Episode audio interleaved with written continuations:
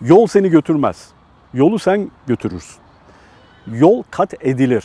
Yol kendi kendine kat etmez. Yol bir mesafe gibi gözükür. Halbuki o mesafeyi kat eden insandır.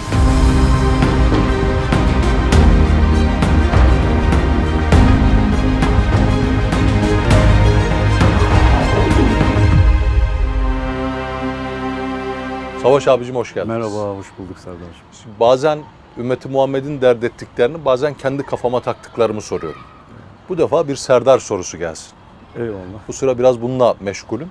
Şimdi abi siyasetten ticarete, evlilikten seyri suluka bize iz gösteren bir tasavvuf prensibi var.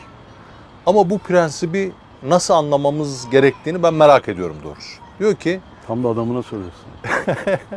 evvel refik, badet tarik. Evet, Önce yoldaş, sonra yol. evet. Niye önce yoldaşta sonra yol? Birinci soru bu. İkincisi yol kiminle yürünür? Eyvallah. Bunu da şöyle hem kiminle yol yürüyeceğimizi anlayalım diye hem de bizimle yol yürümek isteyenler varsa nasıl bir halde olmalıyız ki onlar bizimle yol yürüyebilsin diye soruyorum. Keşke yoldan çıkan değil de yolda olan birine soraydım. Neyse inşallah. Şimdi e, yani benim kendi çağrışım var ya program ismi. Şu anda onu da dostlara söyleyelim. Yani Serdar'ın sorduğu soruları ben genelde önceden bilmiyorum. Yani kapta ne varsa onu söyleyelim. E, eksiğini siz tamamlayın inşallah.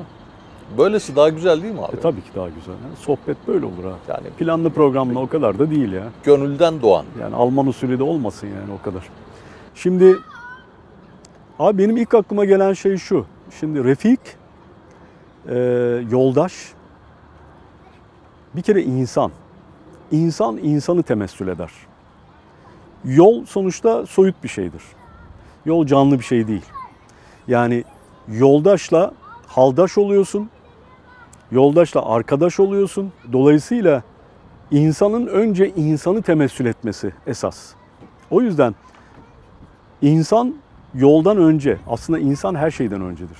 Ama hangi insan tabii işte yoldaş olan adam. Peki yoldaş yolu nasıl bulmuş? Ha şimdi senden önce bulmuş demektir o. Yani bir yere gideceğim. Serdar'a diyorum ki ya işte nerede oturuyorsun? Şurada. Ee, beraber gidelim. O zaman sen bildiğin için ben sana tabi oluyorum.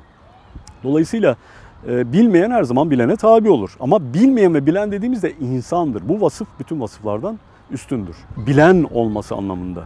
Bilen her zaman üstündür. Mesela tarikatte mürşit müritten önce gelir. Ama mürşit de mürid idi. Yani ona da o da bir yol buldu. O da bir yol yoldaş buldu. O da bir rehber buldu. Bu arada rehber rahberdir. Yol gösteren demektir. Asıl şeyi. Dolayısıyla yolu bilenle gidiyorsun. Yol sonra geliyor. Çünkü yol onun yolu. Yani onun bildiği yol. Burada e, nesne olan yoldur. Yani yol seni götürmez. Yolu sen götürürsün. Yol kat edilir.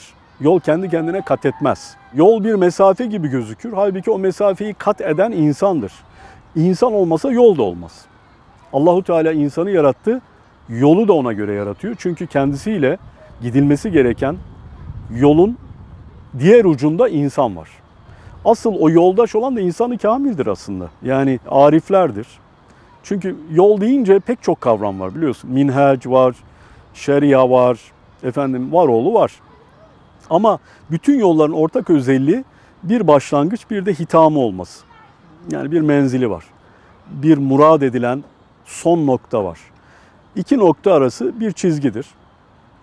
Ee, en az iki nokta gerekiyor. İki noktanın birisi ben ise öbürü o'dur. Huva. Allahu Teala'dır. Şimdi Allah yolu böyle bir yol. İyi de bu yolu ben böyle dümdüz çizince olmuyor. Çünkü o yol genelde e, bir takım sıkıntılarla dolu. En başta kendi nefsin geliyor. İnsan yolda yoldaşı ile, rehberi ile hemhal olunca hangi ilim olursa olsun. Bak bunu her yerde söz konusu. Mesela siyaset teorisi okuyorsun, mühendislik okuyorsun, sanat okuyorsun, müzik okuyorsun. Fark etmez. O yola çıktığın anda senin kamil, usta, üstad, yolu bilen birisine ihtiyacın var. Mesela bizim müzik üstadlarına genelde böyle talebeler gelir. Benim çok sevdiğim e, Necati Çelik abim var. Udi gerçekten hem çok kamil bir insan hem çok kamil bir müzisyendir. Zaten kamil müzisyen olduğu için kamil insandır. Kamil insan olduğu için de kamil müzisyendir. Öyle olur. Bu buraya bir parantez açalım abi. Bu önemli. Evet yani iş insanı adam eder, adam işi iş eder. Yani bu ikisi birbirinden kopmaz. O yüzden bizde mesela pek çok meslekte hıfsta vardır mesela ve musikide vardır. Femi muhsin diye bir kavram var. Bunu genelde güzel ağız denir. Doğru. Fakat aynı zamanda ihsan sahibi ağız da demektir. Yani ihsan demek kendinden geçen. Sana kurban olan demek. Sana kurban olun. Ne derdi var ki sana yol göster? Git kendi nereye gidiyorsan git bana ne? Açık, beyine, Allah göstermiş. E, müzik denilen şey de belli. Kitaptan oku, git YouTube'dan bak. Bir insana niye geliyorsun ki? Ama öyle değil. Yani marangoz da olsa gelecek. Sonuçta gelecek. Efendim e, teorik fizik okuyorsun. E Einstein'a geleceksin yani. Efendim e, teorik matematik okuyorsun. El Harizmi'ye geleceksin. El Harizmi kim? Algoritma diyoruz ya bugünlerde. Filancanın algoritması. Şimdi o da moda oldu. Algoritma kelimesi El Harizmi isminden geliyor. Yani uyanalım. Ee, hani Müslümanlar ne yaptı baba? Bin sene uyumuşlar, üstüne yatmışlar falan. Öyle bir komik iş yok. El Harizmi'den geliyor, büyük matematikçiden. Abi yolun mecburen oradan geçecek. Müzik tahsil ediyorsun. E yolun mutlaka bir şekilde eğer bizim müziğimizi tahsil ediyorsan yani Urmevi'den geçecek. Efendim e, Dede Efendi, Itri'den geçecek. Bir şekilde böyle olacak. Şimdi bunların hepsi rehber ama kendileri de bir rehbere tabi olmuşlar da öyle rehberlik kazanmışlar. Dolayısıyla iş ve kişi arasındaki ilişki aslında kopmaz bir ilişkidir. Bunun sağlamını buldun mu, kamilini buldun mu, muhsinini buldun mu yapış. Çünkü kurban olan insan sayısı çok az abi. Adam diyor ki ben bunu derdim niye çekeyim? Hatta bu konuda bir e, hikaye anlatayım. Bizde mesela meşkten daha önemli olanı yani müzik mesela e, tahsilinden daha önemli olan şey müzik edebidir. Öğretene karşı, rehbere karşı olan edeptir. Çünkü bilgiyi kıymetli kılan şey onun edebidir. Şimdi biz böyle deyince millet hemen Yunus Emre dizileri aklına geliyor. Efendim o eski TGRT dizileri falan böyle işte çakma e, evliya şeyleri. Ne yapsın adamlar evliya bilmeyen adam biraz evliya taklidi bile zor yapar. E, e, güzel tarafları da var ayrı mesele. Fakat e, edep dediğimiz şey o değil. Edep olmak demek. Şimdi müziği bilen binlerce insan var. Ama ben hep talebeler birisini sorunca üniversitede de sordular. Hocam siz müzikle uğraşıyorsunuz. Biz de müzik öğrenmek istiyoruz. Kime gidelim? Ben hemen Necati Çelik abi. E niye? Çünkü onun böyle bir edebe sahip olduğunu biliyorum. O hem adam hem de Adem. Hem biliyor hem oluyor. Şimdi demek ki edep olmak demek. Ahlakla ilgili bir şey. E, şahsiyetle ilgili bir şey. Özümsemiş. Şahsiyetleşmiş artık. Hatta bununla ilgili bir hikaye e, var. Gerçek bir olay. Benim Ankara'da çok sevdiğim bir Udi arkadaşım var. Çok da hizmeti olan bir insan. Allah selamet versin. Ali Tutan. Ali anlatmıştı. Onun e, Ud hocası gençken e, Cenüçen Tanrı Korur merhumun Ankara'daki talebesi olan bir Udi radyoda. Saim Konakçı rahmetli. Genç yaşta vefat etti. Dedi ki ben dedi onun ismini duydum. Telefon ettim. Telefonunu buldum bir yerden. Ben gencim tabii. Udu biraz çalıyorum. İşte dedim ki hocam e, ben gelmek istiyorum. Sizden ders almak istiyorum. E gel bakalım görelim falan. Adresini ver diyor. Küçük Esat'ta falan bir yer. Gittim diyor. Kapıyı çaldım ama tabii çok şeyim. e, Çekiniyorum yani. Kapıyı açtı diyor. Buyur dedi diyor. Hocam ben aramıştım falan. E geç içeriye falan. Salona oturduk diyor. Sen çalıyor musun dedi. Biraz çalıyorum hocam. E bildiğim bir şeyi çal bakalım. Utla bir şeyler çaldık diyor. Adam hiçbir şey demedi diyor. Salondan çıktı gitti diyor. Ben sandım ki su içmeye gitti falan şey. Ben bekliyorum diyor. Abi adam gelmedi diyor. Yarım saat geçti gelmedi. 45 dakika geçti gelmedi. Ben diyor çok diyor yani yerin dibine girdim diyor. Sonra elimde udum diyor. Bari veda edeyim diye. Şöyle koridora gittim diyor. Bir baktım yandaki odada adam oturmuş da kitap okuyor diyor. ben de beni görünce dedi ki ne var dedi diyor. Hocam ben gideyim dedim. İyi güle güle dedi. Ben diyor mahvoldum yani diyor. Bütün şevkim kırıldı diyor. O şekilde çıktım ama diyor kendime gelemedim diyor. Ya bana niye bu muameleyi yaptı? Ben ne yaptım? Yanlışım varsa yanlış vardı diyor. Ama diyor Yok ben bu işin peşini bırakmayacağım dedim diyor. Bir ay falan kendi kendime mücadele ettim. Bir cesaretle yeniden aradım diyor. Bu sefer diyor o Ali'ciğim sen neredesin ya? Niye gelmedin falan. Hocam kemküm falan. Hadi gel müsaitsen falan. Çıktım gittim diyor. Adam bu sefer şeker bal diyor. Gel bakalım otur bakalım falan. Hadi çal falan. Heyecandan hata yaptım diyor. Bir şey olmaz. Bir daha çal. Bir daha yaptım. Bir daha çal. Sorun değil falan. O günden sonra benim abim oldu diyor. Yani gece gündüz beraberiz. Bana her türlü abiliği de yaptı. Sonra diyor yıllar sonra bana dedi ki e, Ali o ilk karşılaşmamızı yanlış anlama. Bizde usul böyledir. Edep böyledir. Gelen adam heveskar mı, azimli mi ölçmek için ilk seferinde soğuk davranırız. O adam azimliyse o zaten o dükkana geri gelir. İşte o adamdan iş çıkar. Ama hevesi varsa kırılır. Bir daha gelmez. Zaten ondan da talebi olmaz. Talep eden demek. Dikkat et. Dolayısıyla yoldaşlık ve yol ilişkisi de böyle bir şey.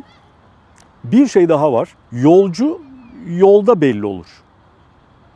Mola yerinde yatıyorsun. Yani yolcu olduğun nereden belli ki? Belki de hancısın. Belki de orada yaşayan bir adamsın. O yüzden insan sürekli yolda olduğunu unutmamalı. Seferder vatan diye başka bir ilke var biliyorsun. Yani vatana seyahat. Vatan neresi? Ukbadır. Allahu Teala'dır. Biz ona doğru seyahat ediyoruz. Konaklayabiliriz. Bir yerlerde duraksayabiliriz. Bazen yoldan da çıkarız. Ama geri dönmeyi bilmek lazım.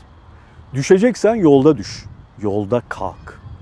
Düştüğünde yolun dışına düşme. İki şeyi birbirine karıştırma.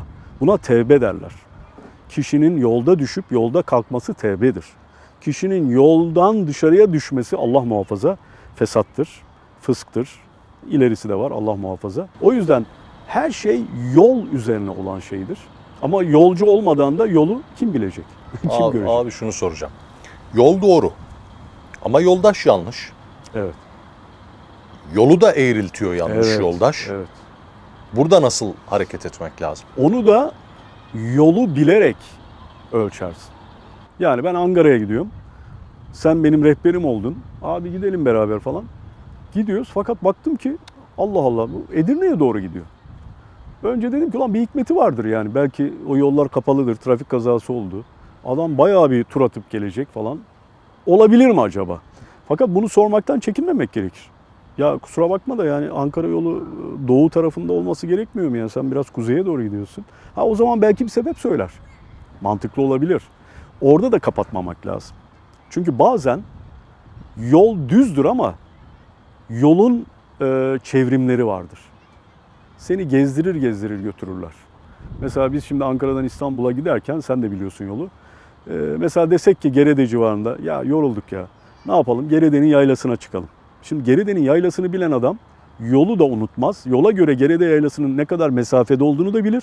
Nereden çıkıp nereden geri döneceğini de bilir. O yoldan çıkmak değildir. O yolda konaklamaktır. Menzili konaklanan yerler için de söylerler. Burada da yolu bilip, menzili bilip o istikamete göre de rehberi ölçmek lazım. Mesela buna çok açıkça söyleyeyim. Ee, Türkiye'de bir sürü sapkın rehber var. Şimdi biz böyle deyince millet hep böyle dini e, camia içinde şeyler düşünüyor. E doğru. Var ama bak bilimsel dediğin, batıcı dediğin kitle içinde yok mu? ne kadar sapık var. Ne kadar e, saçma sapan konuşan var. Ne kadar insanları yanlış yöne doğru sevk edenler var. Bunların büyük bir çoğunluğu kasıtlı yapıyor bunu. E şimdi öbürü de kasıtlı yapıyor. Dini söylem kullanan da öyle yapıyor. Çünkü oradan mama yiyor yani oradan rantı var. Bir menfaati var. Peki o adamın sahih, doğru olup olmadığını, seni doğru bir yola götürüp götürmediğini nereden bileceksin? E kardeşim sen de biraz açıkçası dinimizden haberdar ol canım. Yani e, ne sünnettir ne farzdır. Sana haram emreden birisi açıkçası e, herhalde e, şeytanın e, şeyhidir. Hocalığı varsa şeytanın hocasıdır yani. Bunu da ölçersin. Fakat bunu da yaparken ilmin kadar yaparsın. Buna dikkat et. Yani senin bildiğin dini ilim, ölçüler sınırlı ise ondan daha fazla olan ölçüleri bilmiyor isen bilmediğin ölçüler konusunda da insanlara hemen saldırma. Sen onu bir kere biliyor musun? Bir örnek vereyim. Bir mürşit 70'li yıllarda vefat etmiş. Ee, bir gün yazlık e, camide namaz kıldıracak. Arkasında alimler var. e, dinimizi bilen insanlar. O sahih mürşit yağmur yağmış daha önceden. Bu teneke sundurması varmış mihrabında açıkta kılıyorlar. Gö- Gölgelik yapsın diye. Yağmurdan nice sonra oradan da böyle yağmur damlaları pıt pıt damlıyormuş. O da tam altına gelip farz namazı kıldıracağı vakit e, sarığının üzerine bir yağmur damlası düşüyor. Hemen sarığını çözüyor. Arkadaki o alime veriyor. Diyor ki bunu yıka gel. Şimdi alim şaşırıyor. Çünkü dört mezhebindeki fıkıh hükümlerini biliyor. E bu temizdir. Niye bu zat yıka dedi yani. Şimdi bunu mesela başka birisi bilse abi dini de bilmiyorlar önümüze geçmişler falan. Her şey ilmiyle yani. Yani bilenden daha çok bilen var. Ölçüler hep ona göredir.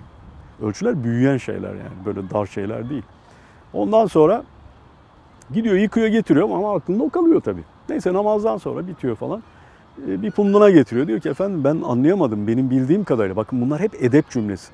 Çocuklar bunları kullanmaya dikkat edelim. Bildiğim kadarıyla galiba öyle biliyordum deyip sorun. Çünkü sen bir bilirsin adam bin bilir. E, rezil olmayalım. Yani hayatta biz öyle çok gol yedik aman ha. E, onu yapmayın. Yani bildiğim kadarıyla bu ne kadar güzel bir cümledir. Ben öyle biliyorum. Bu kadar biliyorum. Galiba bunlar sizi kurtaran şeyler. Şerefinizi kurtarır, haysiyetinizi, ilminizi kurtarır. Alim zaten her zaman böyle parantezle konuşur. Der ki benim bildiğim kadarıyla böyledir. Ben bakmam lazım. Bir bakalım. Bu onu kurtarır. Allah nazarında da kurtarır, kullar. Neyse. Dönünce Şeyh Hazretleri diyor ki efendim benim bildiğim kadarıyla dört mezhepte bu temizdir. Niye yıkattınız? Diyor ki Süfyan-ı Sevri'nin de mezhebine uymayalım mı? Şimdi Süfyan-ı Sevri Hazretleri İmam-ı Azam Hazretleri ile çağdaş büyük bir müştehittir. Kendi mezhebi varmış. Biliyorsunuz mezhepler ilk e, çağlarda daha fazlaydı. Daha sonra e, daha çok tabisi olanlar ayakta kaldı. Diğerleri e, unutuldu. Süfyan-ı Sevri'nin mezhebi de unutulmuş. O zaman anlıyor ki hiçbir yerde Süfyan-ı Sevri mezhebiyle ilgili hüküm yazmamasına rağmen unutulmuş. O zat hikmeten, irfanen biliyor, manen biliyor hükümlerini. O zaman diyor ki abi pehlivandan üstün pehlivan var. Alimden üstün alim var. Aman abicim elini öpüyor. Anladım efendim teşekkür ederim diyor. Şimdi o yüzden yoldaşın böyle olursa sen de ölçü bilen bir adam olursan en azından ölçüyü sorma edebin olur. Efendim bunu yaptığınız zaman niye? Benim bildiğim kadarıyla bu böyle değil. O da sana izah eder. Zaten alimse izah eder. Alim değilse sus ulan sen kimsin falan diye e, o zaman edebinin de olmadığını anlarsın. Dolayısıyla bunların hepsi ölçü abi. E, ölçüyü nereden bulacağız? Sünnet, sünnet. Sünneti bilmemiz gerekir. Çünkü hak yolun minhacı, yolu Resulullah Efendimizin yoludur. E, onu bilmeden ölçüyü de bilemeyiz. Peki abi. Hani dostların da aklına geliyordur diye soracağım. Bildiğim kadarıyla diye gireyim. Şimdi yoldaş doğru ama yol yanlış. Evet. Böyle durumlar da olabiliyor. Olamaz. Olamaz mı? Hayır. Niçin? Çünkü yoldaş her yolcu gibi yolun üzerinde olan olduğu için eğri bir yerde olamaz. Ama diyeceksin ki bunu rehberlik anlamında söylediğimizde hani yoldaş dediğimiz arkadaş da olur. İlla Evet, o manada. önder olması gerekmez. Ee, o manada arkadaşın eğer yoldan çıkıyorsa sen yine yolu biliyor olarak ölçüyü bilen, ilkeyi bilen birisi olarak emri bil maruf ve nehyanil münker yapman lazım. Usulünce, edebince gene. O da diyecek ki o bildiğin gibi değil. Ben şundan dolayı böyle yaptım. Aslında bu yaptığım da yanlış değil. Veya benim bildiğim kadarıyla yanlış değil diyecek. Sen diyeceksin ki hayır benim bildiğim kadarıyla yanlış. O yüzden gel ikimizden de çok bilene soralım. Bak bunlar hep e, hani iç içe geçen şeyler. Ben hep şunu söylüyorum. Ya arkadaş bunu anlamak çok zor mu? Mesela kader mevzu anlatılırken e, cüzi irade, külli irade mevzu bu kadar zor bir şey mi? Kapsama işareti var ya matematikte. Bir şey bir şeyi kapsıyor ya. E bunu biliyorsun. A kapsar B yazıyorsun matematik formüllerinde. Ya Allah'ın takdiri senin takdirini kapsıyor kardeşim. Kapsamak ne demek? İçermek demek zaten. İçermeyen bir şey nasıl kapsar? Ya bunu bu kadar zor mu anlamak? Bu da böyle. İlim de öyledir abi. Ali'nin ilmi kapsar Veli'nin ilmi. O zaman Veli ne yapacak? Kendi yaptığı doğru, Ali'nin belki yaptığı yanlış olabilir. Ama o kendi ilmince onu hatırlatarak bildiğim kadarıyla bu böyle değil mi diye sorar. Daha iyi bilen Ali de der ki E, aa ben onu evet bir bakayım. O da gidip kendinden daha kendini de kapsayan bir ilim sahibine soracak. Bizim müzikte öyledir mesela. Zekai Dede Hazretlerine Ahmet Avni Konuk insap ettiği zaman o da insaptır. E, çünkü bir meslek insap üzerine yapılır. Hatta derler ya diplomasi mesleğine intisap etti. Eskiden böyle anlatılır. Devlet hizmetine intisap etti derler. Veya bilmem ne holdinge intisap etti. Eskiden öyle derlerdi. Yani nispet kuruyor. Onunla bağı oluşuyor. Zekai Dede Hazretlerine bağlandığı zaman Ahmet Avni Konuk Hazretleri e, ondan eserler geçmeye başlıyor. Fakat e, özellikle ilahi ve duraklar, durakları, durak diye bir ilahi formu vardır. Bugün pek bilinmez. E, Tuğrul Efendi bilir, e, sağ olsun Ahmet Özhan falan bilenler vardır. E, çok yaygın bilinmiyor yani. O durakları öğrenmek için mesela Zekai Dede demiş ki kendisi de durak bestelemiş ve e, bilen bir insan. Onu demiş Behlül Efendi daha iyi bilir. Sen demiş Behlül Efendi'ye git. Zaten alimler buradan bilir. Der ki evladım ben o konuda tam yetkin değilim. Benden de iyi bilen filanca var. Oraya git. Bak müzikte de bu böyle, mühendislikte de böyle. Abicim ben sana verebileceğimi verdim. Bundan sonrası filanca adam vardır. Sen ona git. Biz şimdi bunu eski hikayeler gibi anlatıyoruz ya. Efendim İmam Gazali filanca ilmi şuradan öğrenmiş. Ondan sonra filanca ilmi gitmiş ta Bağdat'ta bilmem nereden öğren. Ondan sonra öbürüne gitmiş başka birinden. Ee, bu aslında onların ne kadar ahlaklı insanlar olduğunu gösteriyor. Çünkü der ki tamam baba biz bunu okuduk yeter ya. Yani daha ilerisini ne yapayım ben? Öyle değil. Daha da iyisi var. Yani kadayıf varsa kaymaklısı var babacığım. Kaymaklıyı da git al onu da ye. O da güzel bir tat. Dolayısıyla gençler talep etmekten vazgeçmiyoruz. Söylediğimiz sözleri hep bir e, kendimizi güvene alarak söylüyoruz. Yani benim bildiğim kadarıyla. Benim tweetlerimde çok oluyor bu. Ben özellikle hani eksik yaptığım mutlaka çoktur da genelde böyle koyma. Genellikle şu şudur diye yazarım. Galiba bu böyledir. Bazıları böyle yapıyor. Çoğunlukla böyleyiz. Bakın bu kavramları unutuyor adam diyor ki hocam öyle diyorsun ama böyleleri de var. Ya babacığım çoğunlukla dedik zaten. E genelli yani onu boşuna mı koyduğumuzu sanıyorsun? Yani biz kendimizi kollamaya çalışıyor dayak yemeyelim diye. O yüzden siz de bence dayak yemeyin. Ee, hak karşısında ve halk karşısında. Ee, inşallah hak yolda, hak yolun yoldaşlarıyla, hak yolun yolcularıyla Allah beraber olmayı hepimize nasip etsin. Mevzuyu anlatırken bana gençler derken kameraya baktığını fark ettim abi. Evet sen, seni şöyle, sen Gen- daha genç olduğun için. Gençlerden ayırarak. Yok daha, daha biraz daha genç. Kıdemli genç. abi teşekkür ederim. Eyvallah.